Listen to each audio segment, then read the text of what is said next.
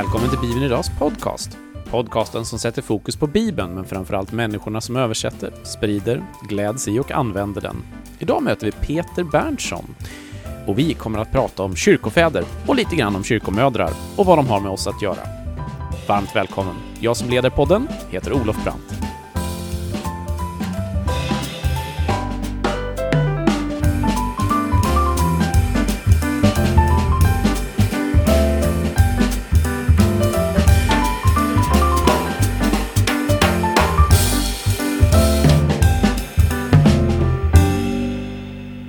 Var ni varmt välkomna tillbaka till Bibeln Idags podcast. Och idag så har vi fint främmande här i lokalerna i Uppsala där Peter Berntsson har kommit in. Välkommen! Tack! Peter är här för att eh, ja, prata om gamla gubbar eh, kan man väl säga. Vi fick faktiskt en fråga från en av våra lyssnare.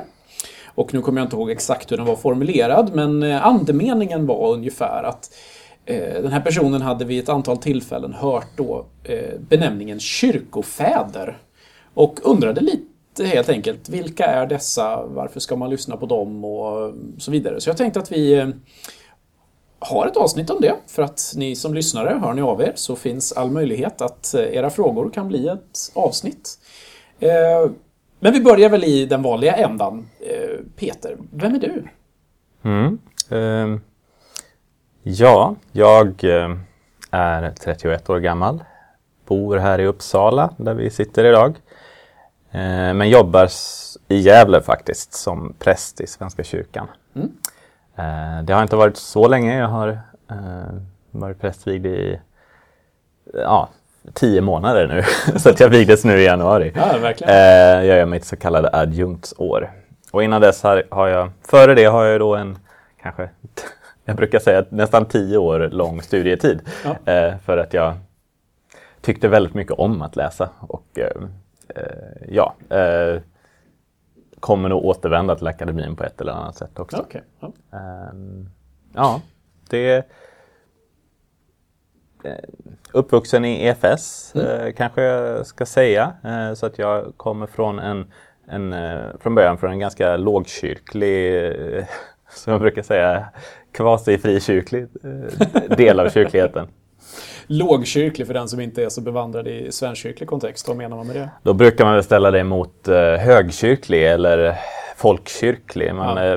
Det är väl de tre grupperingarna. Så att om högkyrkligheten är den lite mm, eh, halvkatolska delen av Svenska ja. kyrkan. Eh, och folkkyrkan är väl den som betonar alla ska med, så att säga. Eh, och lågkyrkligheten är ju den mer, eh, vad säger Bibeln? Och eh, det är gemenskapen i församlingen och, och liksom förankringen i bibelordet är väl det centrala. Just det.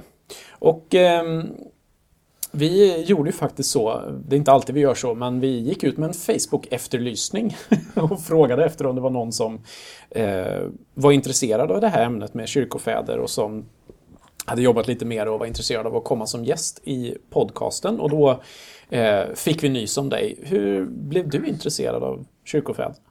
Mm.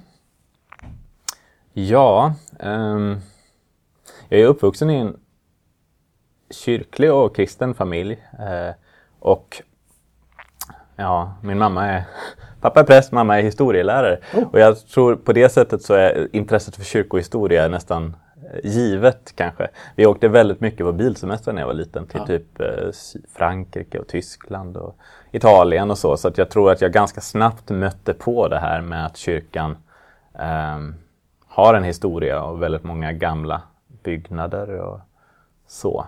Um, så att uh, Ja men jag har liksom med mig tror jag på mm. något sätt att, att historien är intressant för kyrkan. Uh, och för reflektionen kring, kring uh, teologi och kring um, vad det är att vara kristen kanske. Mm. Um, så det är väl en ingång. Jag tror att när jag, men när jag började läsa teologi så hade jag ju kanske med mig uh, ganska mycket, du vet så här um, Ja, men det viktiga är att man läser Bibeln, mm. att man läser eh, eh, vad som hände där, vad den riktigt urkyrkan gjorde. Eh, och, eh, och sen så ska vi likna Jesus och vi ska liksom, läsa Bibeln och eh, tro på den och göra som det står. Mm. Eh, och sen så, om man då frågar vad hände efter det? Så Ja. kan det bli ett väldigt stort, ja det- gick dåligt väldigt snabbt. Eh, det gick utför. Eh, och sen är det inte så mycket intressant som händer förrän det var en man som hette Martin Luther. Precis, just det. Mm. Ungefär den historien kanske jag hade med mig egentligen under Ja. mina, före jag började läsa teologi. Eh, ganska snart när man lä- börjar läsa teologi så märker man att det hände ju faktiskt någonting på de där 1500 åren där innan Luther. Den där mörka medeltiden som varade över Mm. 1500 år. Och där kan man fråga sig om eh, ja, Men- bara begreppet medeltid går att ifrågasätta. ja. Ja, nej. Om den var så mörk också. Ja, definitivt, definitivt. Eh, så, så under studierna i teologi så fick du alltså möta eh, kyrkohistorien då. Men eh, om man då försöker fånga det här begreppet kyrkofäder som ju används ganska eh, brett kan man väl säga. Eh, vad, vad menar man egentligen när man pratar om kyrkofäder? Ja, alltså det är svårast. Det är svårt att avgränsa både... Det är på ett sätt lättare att säga när de börjar än när de slutar. Okej. Eh, på ett sätt kan man väl säga att kyrkofäderna börjar där Nya Testamentet slutar. Ja. Och på ett sätt så kan man till och med säga att de överlappar. Det beror ju lite på, eh, jag ska inte ge mig in i kontroversen kring när den sista bibelboken skrivs i Nya Testamentet och sådär. Men Ämne för en annan podd. ämne för en annan podd. Men, eh, men jag menar, om vi säger att vissa av eh, Uppenbarelseboken brukar de flesta datera, även konservativa forskare, datera till runt 90-100. Så. Eh, och det finns ju texter i den samling som heter De apostoliska fäderna. Eh, som är den, de allra första kyrkofäderna kan man säga. Och de, vissa av de skrifterna, till exempel Didache eh, och ja, Ignatius av Antiochia, de är från den tiden. 90, 80, 90, 100, 110. Så, eh, så att där, det börjar samtidigt som Nya Testamentet slutar kan man säga. Eh, och sen är frågan, när slutar det? Ja, i östkyrkan bruk, brukar man sätta Johannes Damaskenos på 700-talet sist. I västkyrkan, eh, och nu utgår jag från Peter Halldorf, för vad han skriver i en bok här, är att där kan man ibland säga att det sträcker sig fram till 1000-talet då med Bernard av Clairvaux och så. Men vad, vad är definitionen av en kyrkofader då? För att det är ju inte alla kristna som levde mellan, ja, säg 100 fram till 700 000 någonstans. Utan vad- hur, hur får man begreppet kyrkofader eller kyrkofäder stämplat över sig? Mm, det är en väldigt intressant fråga. Eh, det är nämligen så man kan tänka att det är att alla de här är helgon då till exempel. Ja. Att, att alla handlar om liksom väldigt fromma personer som skriver, ehm, som skriver teologi så att säga. Ehm, och det, det, de har nog det gemensamt att de alla talar om teologi. Eh, att de alla på ett eller annat sätt är teologer kan man säga.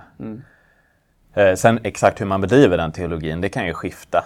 En, en, eh, det finns allt från det vi kan tänka som en teolog, som Johannes av Damaskenos, som är en, han samlar allting som en, i en jättetjock bok och är ganska tung och torr. Liksom, Till Efraim Syrien på 400-talet, som, som är egentligen en poet och diktare. Och han skriver fram sin teologi ehm, det en av hans mest kända samlingar heter Hymnerna om paradiset. Och det är liksom i ehm, det är liksom dikter eller, som, som uttrycker en väldigt djup teologi. och Så Så att gränsen där mellan poesi och lyrik och, och liksom det vi kan tänka som, eh, ja, som, vi, som skulle hamna i psalmboken idag. Mm och torr teologi, det kan ju skifta. Men alla är i någon form då, alltså teologer eller eh, har alla skrivit? Ja, det skulle jag nog säga. Det, det, man talar om kyrkofädernas skrifter. Sen så finns det ju exempel, alltså ett intressant undantag är ju eh, ökenfäderna. Ehm, man kan säga att ökenfäderna brukar man räkna till kyrkofäderna, men de levde ju i... eh, De hade till och med som ideal att de skulle inte kommas ihåg för vilka de var. Alltså det ligger ju hela munkväsendet eh, som växte fram med dem. Ökenfäderna var de första munkarna och- nunnorna. Eh, Och eh, de, där är ju idealet att eh, jag vill söka Kristus men jag ska inte, bli, jag ska inte lämna mig ett namn så att mm. säga. Eh, för det växer ju fram samtidigt som kyrkan blir allt mer imp ett imper, en del av det romerska mm. imperiet mm. som en slags motrörelse nästan. Så att där har vi det som kallas kyrkofädernas tänkespråk som jag har med mig här. Eh, och det är ju egentligen folk som gick ut i öknen och, och sökte upp fäderna och skrev ner Abba Pachomius sa det här. Mm. Abba Antonius sa det här. Så då är det egentligen mer eh, quotes, liksom, mm. härliga citat som, man, som någon skrev ner. Eller en berättelse eller en anekdot. Mm. Så på det sättet, de skrev ingenting. Nej. Så det när vi talar om kyrkofäder talar vi helt enkelt om eh, mestadels män då, vi ska komma mm. till den kvinnliga aspekten strax. Mm. Eh, mestadels män som på olika sätt är ihågkomna, antingen har skrivit själva då teologiska mm. verk eller mer kanske diktverk och i vissa fall då citerade och mm. ihågkomna därför. Eh, vi kan väl ta den pucken med en gång, finns det kyrkomödrar?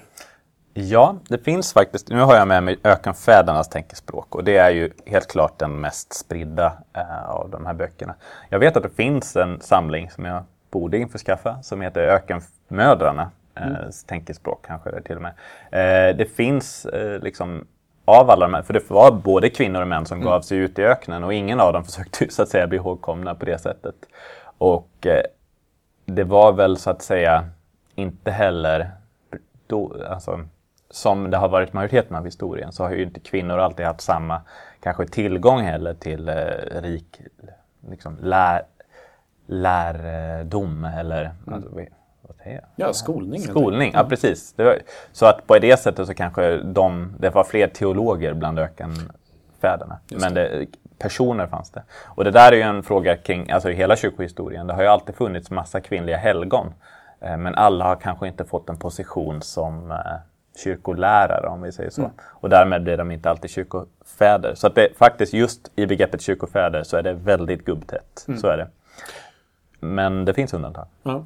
Ja, men jag tänker att en relevant fråga är ju då såklart varför dessa skulle vara intressanta idag. För jag tänker att mycket av historien så som vi läser historia i skolan är för att ja, men, vi vill lära känna lite grann av vad Eh, vad har hänt förut? Var kommer vi ifrån? Och så vidare. Mm. Men jag tycker att många gånger när man pratar om kyrkofäder så andas det på något sätt att det kan finnas någonting mer här än bara ren historia. Vad tänker mm. du att man kan ha, eh, lära sig av eller när man kanske läser delar av deras skrifter och sådär. Vad finns det här att hämta?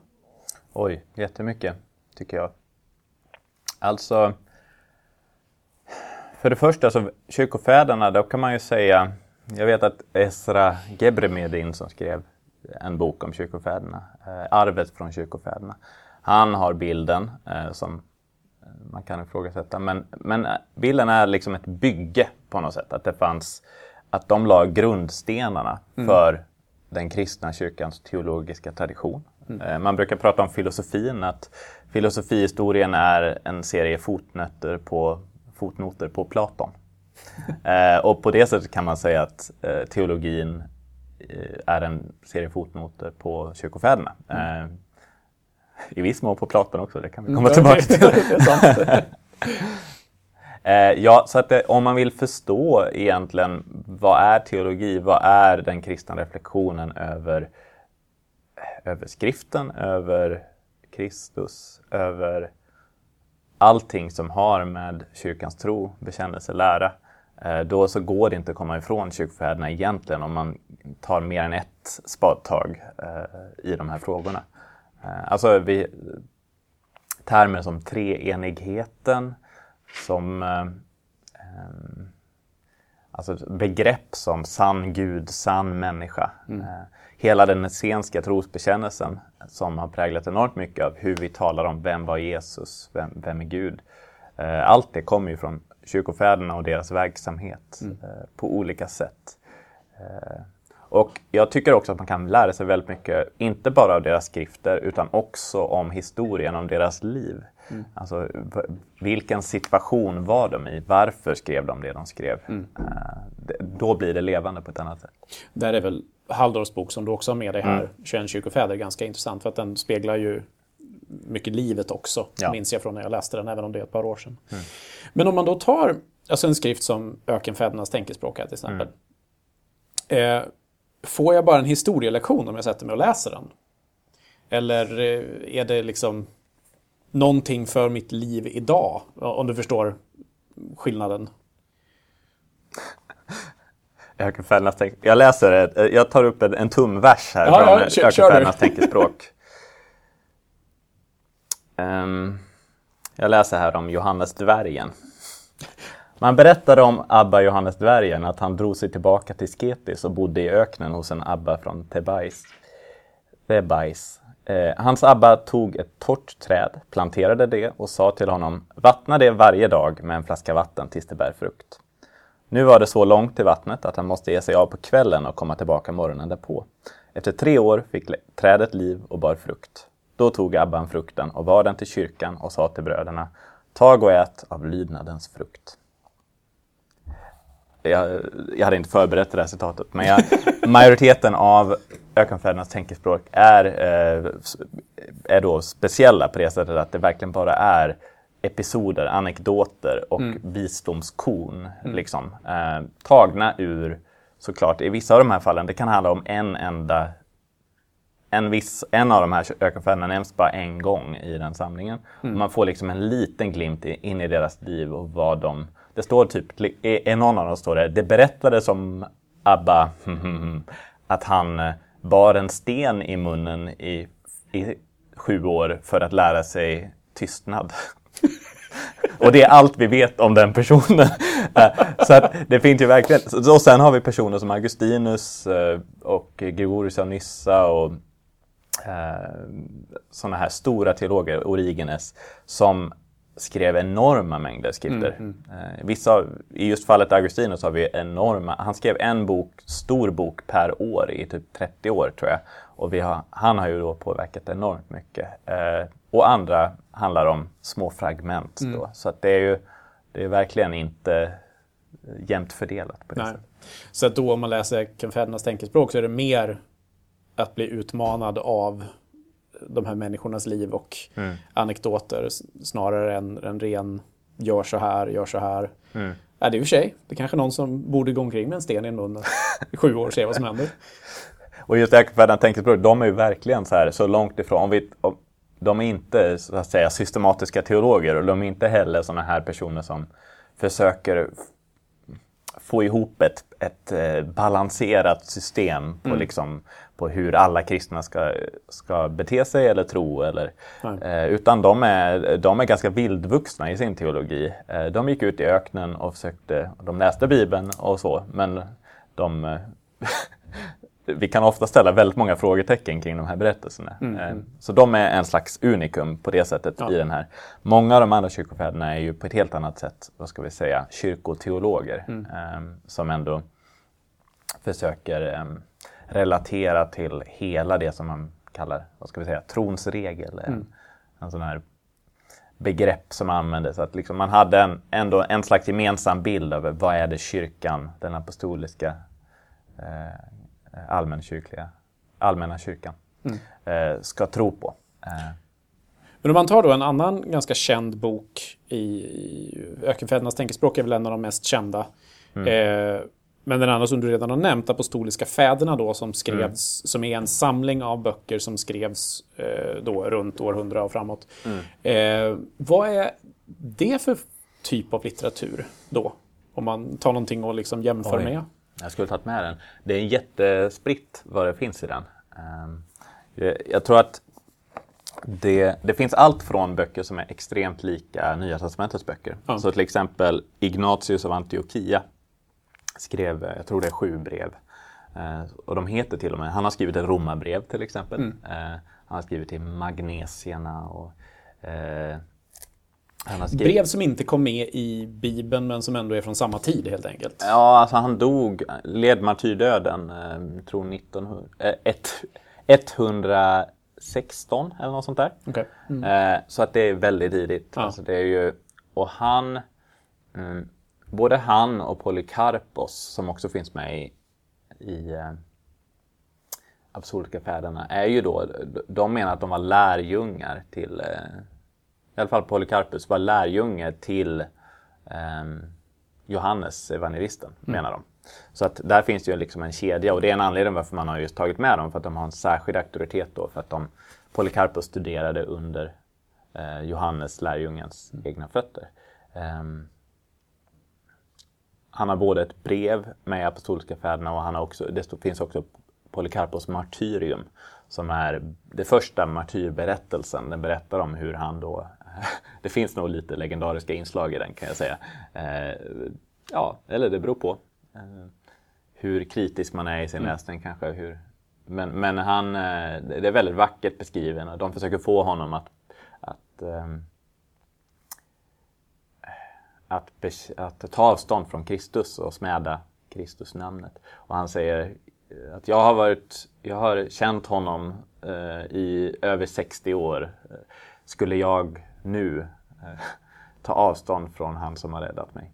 Så det är väldigt gripande på det sättet eh, ibland. Och sen så finns det alltså Ignatius då, han är väldigt eh, polemisk. Han liknar Paulus faktiskt lite i, okay. sin, i sin stil tycker jag.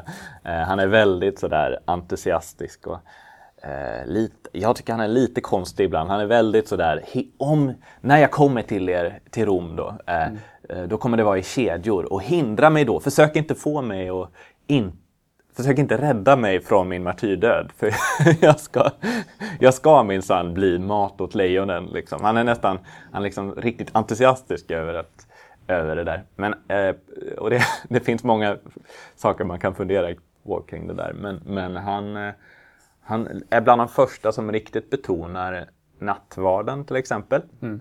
Han betonar också, um, ja, det finns ett fantastiskt citat från honom att uh, um, det är vikt, vad är ett ord på tungan i jämförelse med uh, liksom ett ett autentiskt liv mm. på något sätt. Att det är, det, det är Kristus-livet som spelar roll. Så att det, han lever ju verkligen som han lär på det sättet. Han står upp för bekännelsen in till döden. Och det där, det där med martyriet är ju väldigt kännetecknande för hos de apostoliska fäderna, vissa av dem.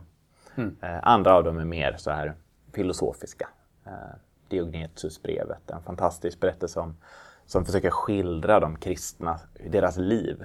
Det är också mot en förföljelsebakgrund. Mm. Alltså, både apostoliska fäderna och det som kommer sen, det man kallar apologeterna, eh, Justinus martyren, Origenes i viss mån, eh, Irenaeus, de, deras teologiska projekt är ju inte så här att sitta på kammaren och bara typ eh, spekulera lite fritt, utan deras projekt är ju någonstans att försvara den kristna tron mm. mot anklagelser om att de första kristna, alltså det gick ju rykten i Rom om att de kristna var kannibaler, att de hade vilda orgier och eh, alltså lite troligen ryktesvägen från just nattvardsriten då. Liksom. Ja, så här, mm. De äter någons kött och blod. Alltså. Aha, okay.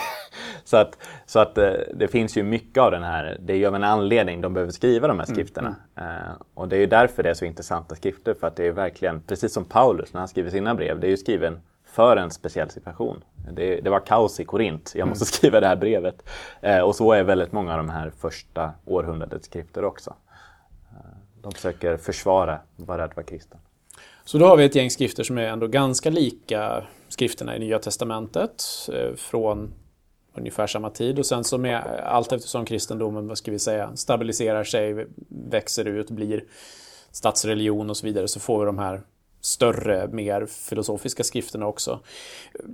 Om du ska ge dig på en fråga, den har du fått i förväg, så vi får se om du har tänkt på den. Mm. Eh, Eh, om du skulle säga topp tre kyrkofäder genom historien, vilka, ja vilka är liksom de som man eh, som de flesta tänker på när man säger kyrkofäder?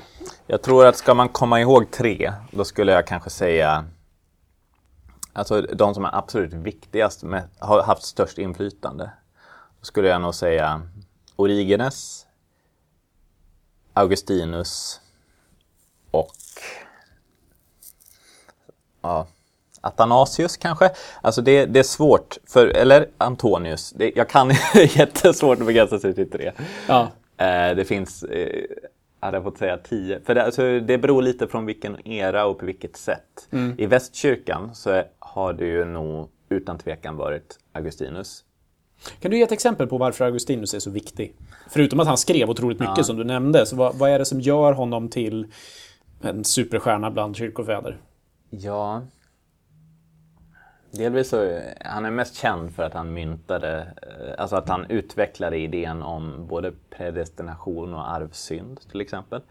Um, han var väl, och ärligt talat, det kanske inte alltid för att han hade så, så enorm... Han var en stor tänkare så, men han...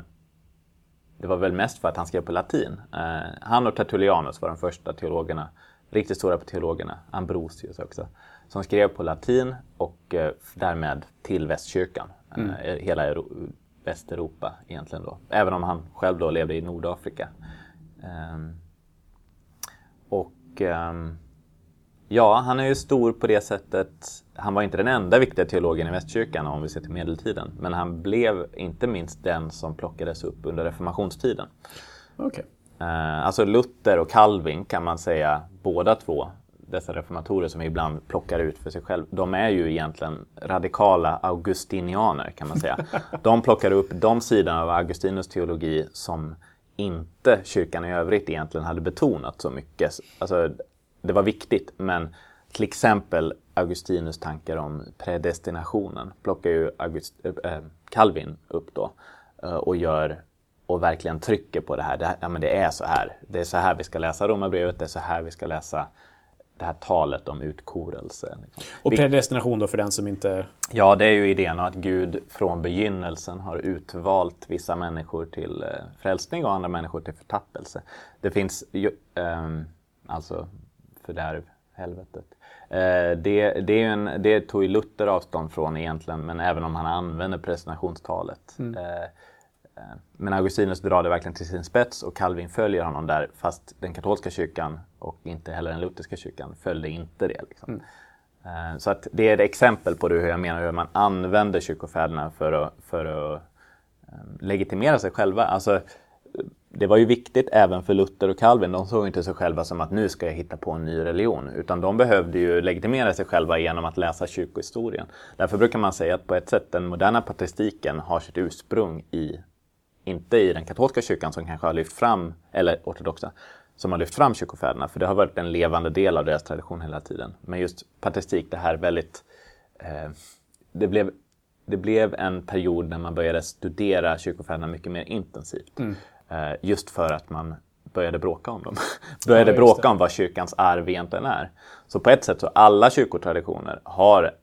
Patristik är alltså studiet av kyrkofäderna. Mm. Alla stora kyrkotraditioner har en sån har jobbat med att läsa kyrkofäderna, men på varsitt sätt. Så att eh, även då den anabaptistiska traditionen som, som kanske frikyrkliga ofta inspirerats av idag. De har ju, alltså, det har ju funnits försök där eh, att försöka förankra det hos kyrkofäderna i någon mån. Eller i alla fall i spjärn mot kyrkofäderna. Mm. Man, vill, man, be man behöver ju ta... Alla har ju eh, försökt skriva en historia över kyrkan. Mm och förklara ja, men varför finns ni nu? Ja. och då kan det ju varit att man till exempel till och med lyfter fram heretiker. Man, att man lyfter fram rörelser som har varit eh, marginaliserade i den tidiga mm. kyrkan. Eh, som sågs eh, som historiens förlorare så att säga, mm. blir då hjältarna i den historieskrivningen. Då får man andra kyrkofäder. Ja, ja precis. Jag tänkte på det när jag sa topp tre där. Det, det, blir ju nu då utifrån en västerländsk, eh, luthersk mm. till viss del tradition kanske som vissa då lyfts upp. Och om du frågar någon som är med i kanske en ortodox östkyrka någonstans så blir det kanske andra ja, svar. Ja, fast jag sa ju Origenes först. Ja. och han, han är ju Luthers stora fiende. Eller Melanchthon i alla fall. Melanchthon menar att giftet började med Origenes. Giftet som fördärvade hela kyrkohistorien fram tills dem då. Mm. Eh, Men eh, ge oss ett exempel på Origenes då. Vem, vad var det som var giftet, höll jag på att säga. Nej, men vad, vad, vad är han känd för? Ja, alltså Origenes är spännande på det sättet, för jag nämnde ju att eh, man kan tänka att kyrkofäderna alla är helgon. Mm. Men, eh, och helgon i katolsk tradition innebär ju att man, eh, och i ortodox, att, att de är så att säga eh, vi kan vara säkra på att de här människorna finns i himlen. Mm. Eh, ungefär det eh, vad man menar med det.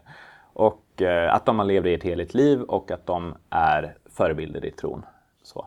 Eh, och många av de här kyrkofäderna är ju det. Mm. Eh, Augustinus räknas som helgon i västkyrkan. och ja, Athanasius nämnde jag, Gregorius av Nassianzus. Alla de är helgonförklarade. Eh, Origenes är ju inte det. Nej. Eh, och det är inte egentligen för att han inte var inflytelserik eller för att ingen lyssnade på honom. Eh, och jag, han, när han dog så dog han i full, i full ro med kyrkan och han var liksom, han led också för sin tro även om han inte blev martyr. Så att det är egentligen konstigt att han inte blev ett helgon. Anledningen är ju då att det fanns, eh, han blev ungefär 200 år efter sin död anklagad för heresi. Jaha. Eh, I det femte ekumeniska konciliet. Eh, och eh, han dog alltså, han levde mellan 180 och 250 ungefär tror jag. Mm. Så han är ganska tidig. Och man brukar säga att han, han skrev alltså kommentarer på alla Bibelns böcker. Och han gjorde den första kritiska utgåvan av Bibeln kan man säga, Hexapla. Han skrev upp den hebreiska gammaltestamentliga texten. Han transkriberade den, alltså skrev den med eh, grekiska bokstäver, hebreiska på grekiska. Sen så tog han eh, fyra stycken grekiska översättningar, inklusive Septuaginta. Då. Så att han staplade upp de här bredvid för att kunna göra textstudier om Gamla Testamentet, delvis i diskussion med eh, rabbinska judar. Då. Huh. Så att han, han är kanske den mest betydelsefulla personen för hela den, efter, efter Paulus, kanske den mest betydelsefulla personen för riktningen som den kristna teologin sen tog. Uh, och alla har på något sätt behövt ta ställning till, uh, ja, medvetet eller omedvetet, hans teologi. Ja, det. För då, det är intressant nog, så om, man, om du ser då till, han blev då lite suspekt i senare ögon. Han har aldrig blivit heretiker. Ja, det är en diskussion till att börja med om man är heresikförklarad, så det är komplicerat. Jag behöver inte ge mig in på det. Men en förklaring är att det var så extrema origenister sen då som, som började lära ut väldigt platonska varianter, alltså extrema platonska kristendomstolkningar utifrån hans teologi. Um, så hans skolan som kom av honom ja. blev heresi precis, anklagad? Precis, okay. och, och, det var ganska galna saker. En av de här eh, sakerna i femte ekumeniska konciliet som kom fram var så här att vi fördömer dem som menar att uppståndelsekroppen är en perfekt sfär. Eh, det vill säga att man är en boll när man, eh, när, man, när man, blir upp, när man uppstår på den sista dagen. För att i platonsk tradition då så är geometri väldigt viktigt. Så att den perfekta geometriska formen är ju en sfär. Då. Så att då måste ju uppståndelsekroppen vara som den perfekta geometriska formen. Hmm. Så tänkte man. Eh, jag är inte säker på att Origenes sa det till exempel. Ja, just det. Men det var de som liksom drog ut linjerna kanske.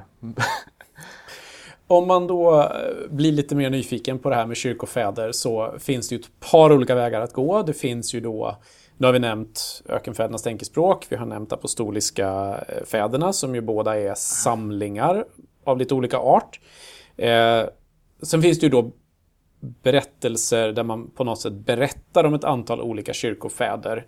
Eh, du hade med dig Halldorfs bok där, 21 mm. kyrkofäder, eller vad heter den? 21 kyrkofäder, precis. Har du något annat tips om man vill just bara ha en sån här översikt över kyrkofäder? Några stycken viktiga berättelser. Ja. Nej, men det, jag nämnde ju tidigare den här boken som, om vi ska ta svenska titlar då, mm. så finns det Arvet från kyrkofäderna av Estra Gebremedin. Eh, och eh, jag har med mig en annan bok här som är mer kanske, den är på engelska. Jag minns att jag hade stor behållning av den. Joseph H. Lynch's um, Early Christianity, A Brief History. Mm. Eh, om man vill få en bild av just den tidiga kyrkan i liksom, extended version. Vi kan ibland tänka att den tidiga kyrkan slutar när Paulus dör, ungefär ja. år 63 eller vad det är. Eh, och att det liksom ja, vi, apostlagärningarna, det är den tidiga kyrkan. Ja. Men den här fortsätter ju in på 300-talet. Jag, jag, tänker att i alla fall um, dit borde alla kristna kunna hitta en slags, um, ja, nästan lite vilken tradition du än är från så kommer du kunna hitta saker som är väldigt intressanta där. Mm. Uh, man brukar ibland tala om det, när Konstantin kom, då började det bli kontroversiellt för då blir det liksom statskyrka ja. och på ett annat sätt. Så. Men tiden framför det så blir det en annan... Eh, ja, men det finns en eh, ekumenisk potential, tycker jag vissa säger. Mm. att studera just det. Så att, så att ja, Joseph Lynch, uh, Early Christianity. Uh, men 21 kyrkofäder är väldigt bra för att få, av Peter Halldorf, är en bra för att få ett lite mer personporträtt. Just det. Um, och sen tänkte jag då på den tredje kategorin böcker, om man säger så, det är ju då kyrkofädernas egna skrifter. För där finns det ju ett antal saker översatta till svenska. Är det någon som du har läst som du skulle vilja tipsa om särskilt där? Mm. Eh, jag tänker Augustinus bekännelser finns väl, som är en klassiker i någon mening om man nu ska ta någon från topp tre här. mm. Men har du några andra du tänker på som det är väl framförallt Artos som ger ut på svenska. Absolut. Där finns det ju en hel del om man vill läsa. Men... Vi, vi är bortskämda i Sverige med eh, extremt många eh, översättningar av kyrkofädernas egna skrifter till svenska. Med, på modern svenska med eh, bra inledningar. Mm. Eh, väldigt många av dem är skrivna av Olof Andrén. Yep. Som nyligen, eller översatta av honom.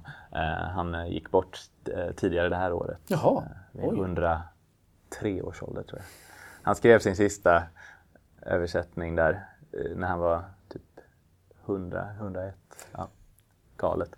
Eh, men eh, ja, nej men alltså Artos har väldigt många av de här. Jag eh, tycker väl personligen att eh, Athanasius eh, om inkarnationen är väldigt bra. Eh, Ireneus är ett annat namn som jag hade velat nämna på den där topplistan. Eh, Uh, levde också på 100-talet eh, och skrev i Frankrike.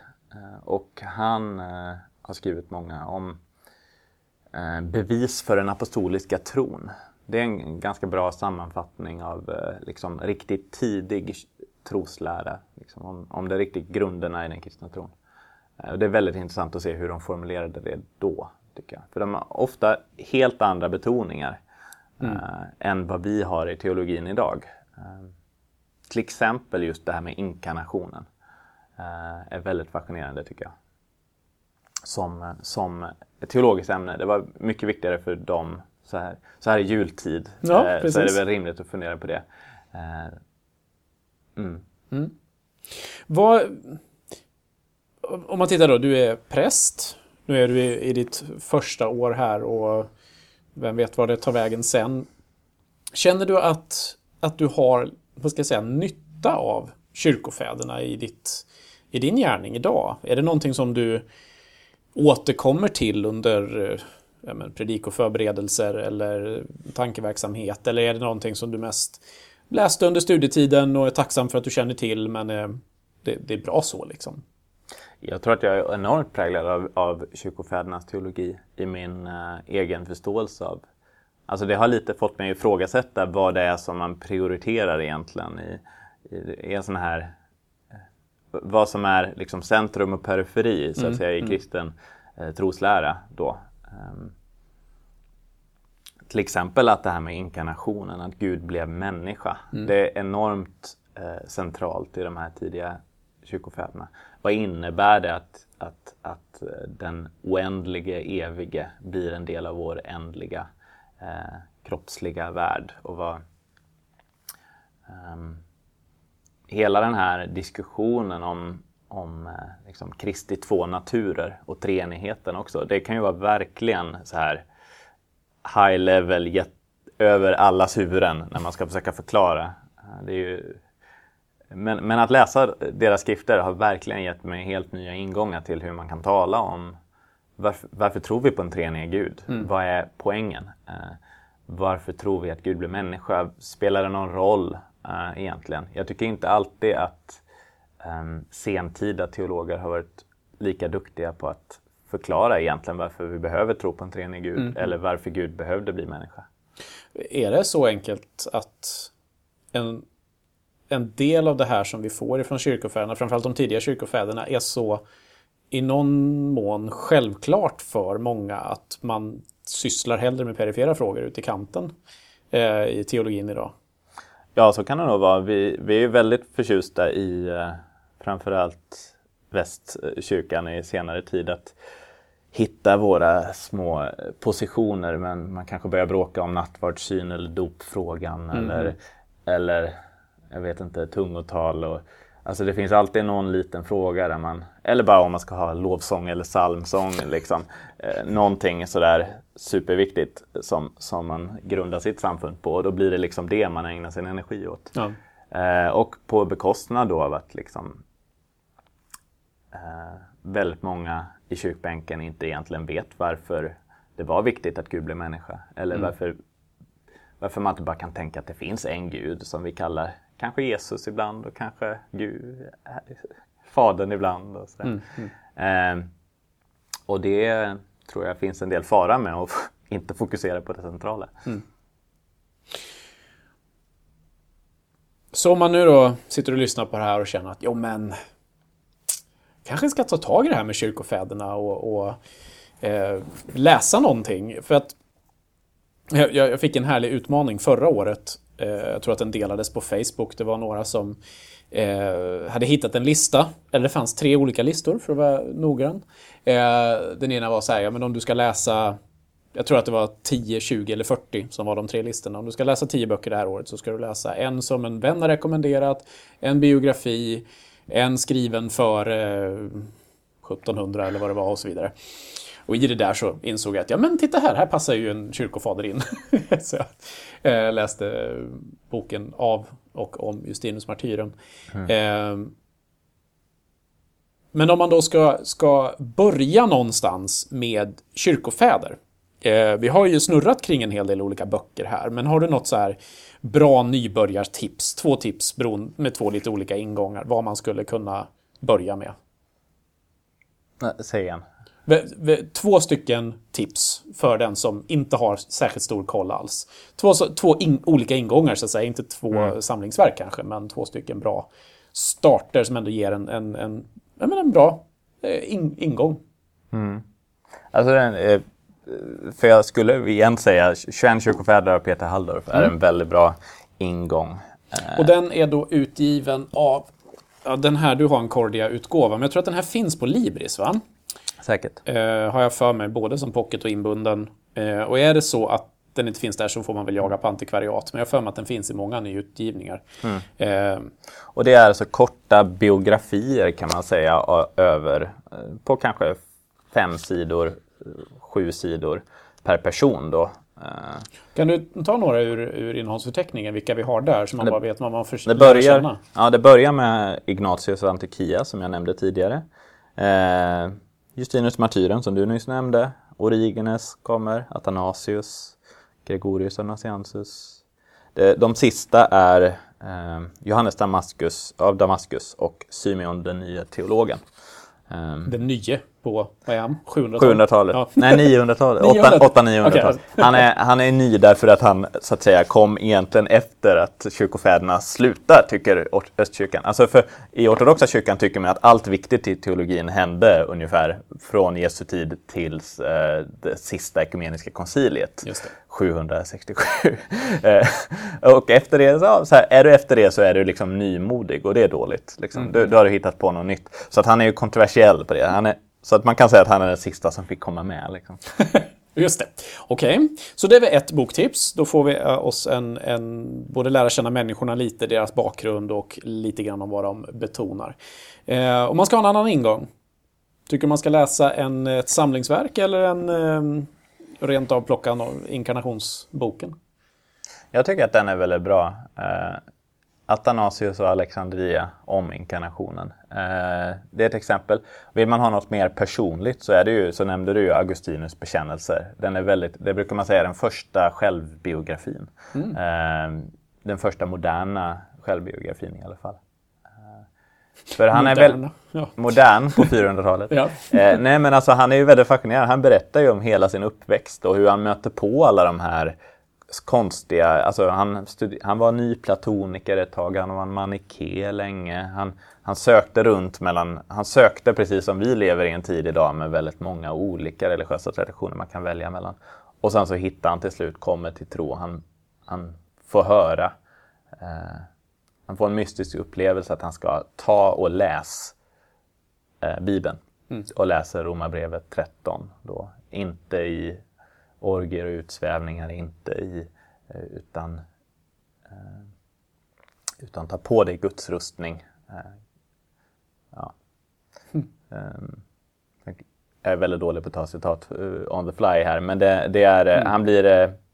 Han börjar liksom med sin frälsningsupplevelse väldigt mycket mm. sådär. Och sen så, ja, och sen så berättar han om sin omvändelse då kan man säga och vad det innebär och allt. Gör väldigt mycket en introspektiv beskrivning av liksom vad, han börjar skärskåda sig själv och sitt eget liv. Och han, det är ju det här som ligger till grunden för reformationens stora um, betoning på att du är samtidigt rättfärdig och syndare. Det, det finns ju väldigt mycket i den augustinska teologin på det sättet att man är hela tiden medveten om att jag mm. kommer inte ifrån att jag är en syndare. Uh, men jag är ändå frälst av nåd. Med det ska vi ta och eh, börja avrunda och vi har fått oss en eh, ja, 2000-årig kyrkolektion höll jag på att säga, inte riktigt, vi höll oss ju mest på första årtusendet här. Är det någonting i allt detta som du känner att ja, men det här måste jag få ha sagt också? Eh, det, här, det här är ändå viktigt att tänka på när det gäller kyrkofäderna. En sån där öppnande fråga som man mm. behöver ha med på slutet för att ibland så är det saker som försvinner under samtalet. Mm. Eh, för det första tänkte jag egentligen säga mer om det här med kyrkomödrar. Alltså ja. det finns ju massa kvinnliga helgon och det finns även väl, de, de här kvinnorna finns i bakgrunden eh, skulle jag säga eh, hos många av de här personerna. Augustinus hade sin, sin mamma. Utan sin mamma så hade han aldrig blivit den kyrkofader han var. eh, vad är det hon heter? Monica? Nej. Ja. Nej, det vet jag inte. Ja, det här säger ju någonting. Eh, ja, att, det, att det är tyvärr männens namn som fastnar enklast. Sen har vi den heliga Makrina, både den äldre och den yngre. Som var, den äldre är då, om det är farmor, till två av de största kyrkofäderna i östkyrkan. Gregorius av Nyssa och Basileus den store. Eh, och båda de två, liksom, det är egentligen den här liksom, matriarken över den här familjen som, som, liksom, som bestämmer allting som leder dem på den, på den väg som ledde dem mot att bli stora namn i kyrkan. Eh, och, deras, och Gregorius av Nyssa säger i princip rakt av att allt han har lärt sig har jag lärt mig av min syster. Som är liksom en, hans stora förebild i ett heligt liv. Eh, han skriver en bok om henne då. Eh, den heliga Makrinas liv som handlar om hennes, eh, hennes liv. Så att de finns hela tiden där. Och den katolska kyrkan brukar man ju säga har i sentid insett att de behöver fylla på med, med kyrkomödrar så att säga. Mm. Så de, det har kommit in fyra stycken sådana. De flesta är från medeltiden.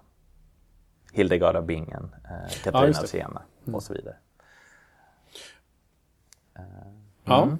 Så det är väl en sak. Um, är det något mer? Ja, det är väl det här att jag tror inte att man riktigt kan komma ifrån att läsa kyrkofäderna om man är intresserad av teologi. Nej.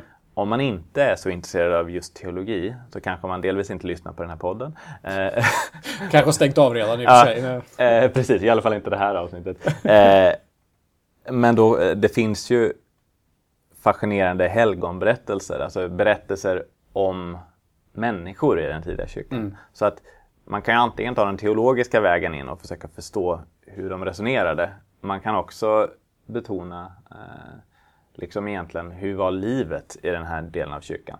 Och de sitter ju ofta väldigt samman. Mm. Eh, men eh, så jag tror att är man är minst intresserad av vad... Alltså så här, om man tycker att det mesta som skrevs mellan 300 eh, och 1500 var dåligt, eller det mesta som gjordes i kyrkan, då så borde det ändå vara intressant att läsa varför var det så dåligt då? Ja. Vad var det som gick fel i så fall? Nu råkar inte jag tycka att det är så enkelt att man kan säga att det var en bra period, en dålig period och sen har allt varit frid och fröjd sedan 1500-talet. Jag har inte riktigt den bilden själv. Men om man mot förmodan skulle ha det så eh, är det fortfarande värt att läsa. Mm. Strålande. Då hoppas jag att det här gav eh, en del eh, svar till de som funderade på vilka kyrkofäderna och mödrarna var och vad vi kan lära av dem. Också vad man kan ta vägen vidare. Och om du nu lyssnar och känner att ja men vänta nu här, det finns fler frågor så är det bara att höra av er, höra av er med dem. Eller om ni har andra önskemål på gäster, specifika gäster eller teman som ni känner att men det här skulle vara intressant att höra mer om i Bibeln Idags podcast så eh, är det bara att höra av er. Vi eh, fångar upp de teman vi kan. Eh, vi finns ju på Facebook eh, eller via e-post. Det brukar gå att hitta oss. bibelnidag.org är ju vår hemsida. Tack Peter för att du tog dig tid att komma hit. Tack själv. På vägen hem från jobbet. Mm. Så tackar vi alla er som har lyssnat. Så hörs vi igen och om du nu lyssnar när den här släpps så önskar jag dig en välsignad adventstid. Och snart är det jul igen. Och om du nu lyssnar någon gång senare så eh, får du ha en fortsatt bra dag helt enkelt. Tack så mycket. Hej då. Hej då.